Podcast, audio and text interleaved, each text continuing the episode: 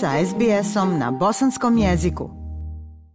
A išal je pozdrav tebi i slušateljima SBS radija. 6. septembra u Sarajevu je boravio predsjednik Turske Recep Tayyip Erdogan koji je doputovao sa e, velikom, odnosno brojnom delegacijom iz e, svoje zemlje. Tokom posjete Sarajevu razgovarao je sa bosansko-hercegovačkim zvaničnicima u prvom redu sa članovima predsjedništva Bosne i Hercegovine, zatim sa kolegijem oba doma parlamentarne skupštine Bosne i Hercegovine. Predsjednik Republike Turske Recep Tayyip Erdogan najavio je u Sarajevu da će u narednom periodu biti otvorena mogućnost putovanja samo sa ličnim kartama između Bosne i Hercegovine i Turske. Nakon razgovora održana je zajednička pres konferencija u zgradi predsjedništva Bosne i Hercegovine. Predsjedavajući predsjedništva Bosne i Hercegovine Šefik Džaferović potvrdio je da se između ostalog razgovaralo o putovanjima između Bosne i Hercegovine i Turske sa ličnim kartama, ali je ovom prilikom Šefik Džaferović Petrović e, govorio i o ostalim pitanjima koji su iz sfere ekonomske e, politike.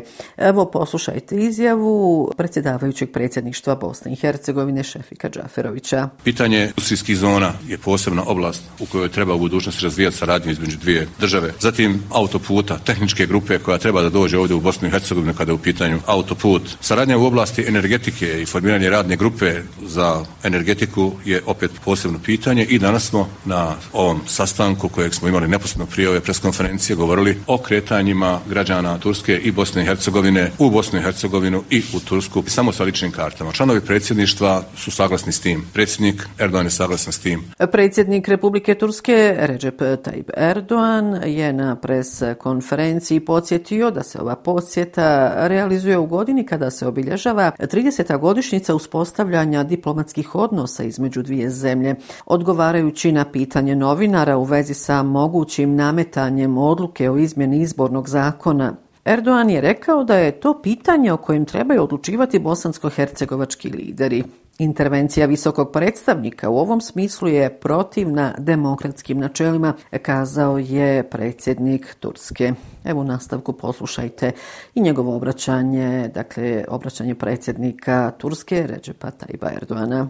Refah ve istikrarına verdiği önemi toprak jednom sam istakao važnost koju Turska pridaje miru, prosperitetu i stabilnosti Bosne i Hercegovine kao i našu podršku teritorijalnom integritetu i suverenitetu Bosne i Hercegovine. Bosna i Hercegovina u narodnom periodu očekuje intenzivna politička agenda i od vitalnog je značaja da izbori koji će držati 2. oktobra budu transparentni i konstruktivni. i to nije važno samo za Bosnu i Hercegovinu nego za cijelu našu regiju. I zbog toga promovisanje izborne atmosfere koja će doprinijeti prosperitetu i dobroti zemlje u procesu procesu koji vodi ka izborima posebno je važno za mir i stabilnost Bosne i Hercegovine.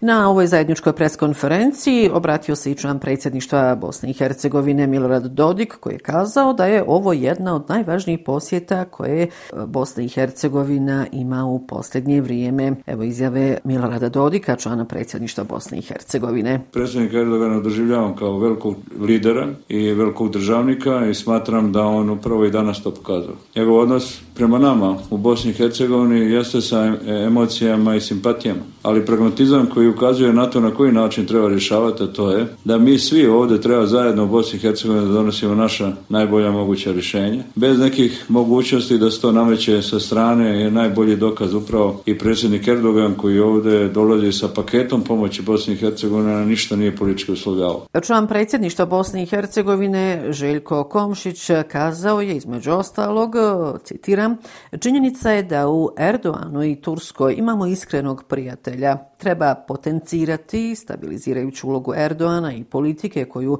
realizuje Siguran sam da će se ta saradnja nastaviti istim tempom i intenzitetom. Svaki put kada se sretnemo rodi se nova inicijativa, kazao je član predsjedništva Bosne i Hercegovine Željko Komšić.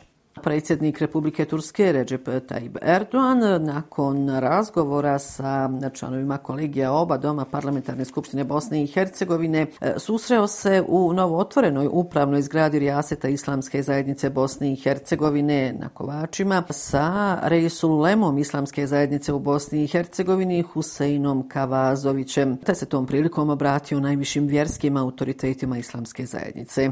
U svom govoru predsjednik Turske je poručio kako njegova zemlja je uvijek uz Bosnu i Hercegovinu. Osvrnuvši se na činjenicu da Bosna i Hercegovina prolazi kroz težak period, naglasio je kako ulema treba da bude predvodnik u zajedništvu. Potrebno je da budemo jedno, da budemo jaki, da budemo braća. Nemojmo zaboraviti da ima onih koji rade protiv nas, žele da nas rasparčaju. Ovo su riječi predsjednika Turske Recepa Tajba Erdoana. Bosna i Hercegovina postaje dio mehanizma Evropske unije, a evo zapravo o čemu se radi. Naime, 6. septembra sporazum između Bosne i Hercegovine i Evropske unije o članstvu Bosne i Hercegovine u mehanizmu Evropske unije za civilnu zaštitu potpisan je upravo u Sarajevu. Dokument kojim se otvara mogućnost daljeg jačanja sigurnosnog sistema, odnosno segmenta zaštite i spašavanja u Bosni i Hercegovini,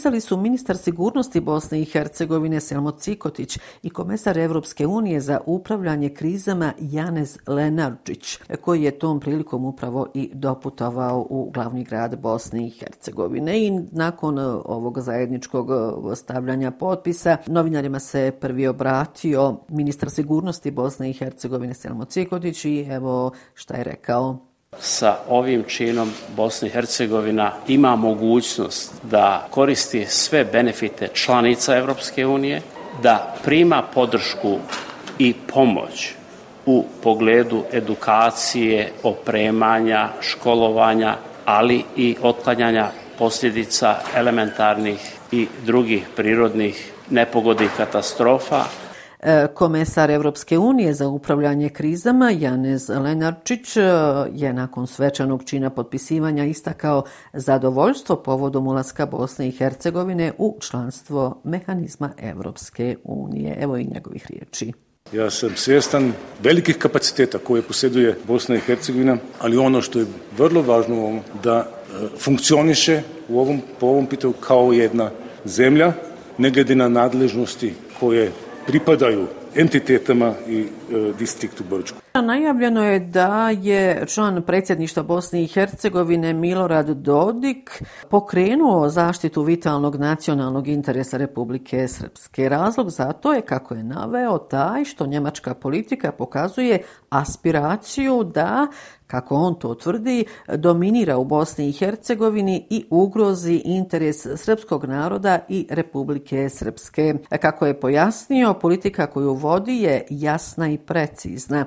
Istakao je da ništa nije upereno protiv Njemačke kao države, nego protiv njene politike. Podsjetiću, Milorad Dodik je na posljednjoj sjednici predsjedništva Bosne i Hercegovine glasao protiv davanja agremana novom ambasadoru Njemačke u Bosni i Hercegovini Tomasu Fičenu. Očekuje se da bi e, naredne sedmice e, trebala biti i održana e, upravo sjednica Narodne skupštine Republike e, Srpske na kojoj bi se trebalo raspravljati o, upravo pokretanju zaštite vitalnog nacionalnog interesa Republike Srpske. Građani Bosne i Hercegovine uveliko strahuju od najave novih poskupljenja i nekako smo stalno u tom problemu poskupljenja. Kako su poljoprivrednici kazali, usjevi su uništeni, suša je spržila oko 80% kukuruza, a zbog nedostatka hrane za stoku farmeri se odlučuju na zatvaranje farmi. E, koliko nije pametno dopustiti ovisnost o uvozu, pokazala je i agresija Rusije na Ukrajinu koja je dovela do promjene u lancu snabdijevanja. Naime, Bosna i Hercegovina je tada računala na solidarnost susjedne Srbije i NATO da neće u potpunosti obustaviti izvoz, te da će naša država dobiti potrebne količine pšenice.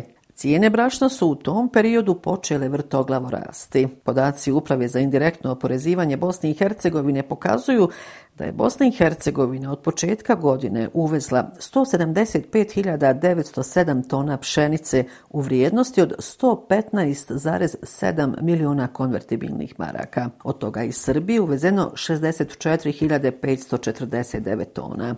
Za prvih osam mjeseci ove godine uvezli smo 353.021 tonu žitarica u globalu u vrijednosti nešto višoj od 254 miliona konvertibilnih maraka. I evo, završit ću ovo javljanje iz Sarajeva jednom vješću koja je kao grom iz vedra neba odjeknula u ovdašnjoj javnosti ovog eh, 9. septembra. Naime, Nogometni savez Bosne i Hercegovine je dogovorio prijateljsku utakmicu sa Rusijom.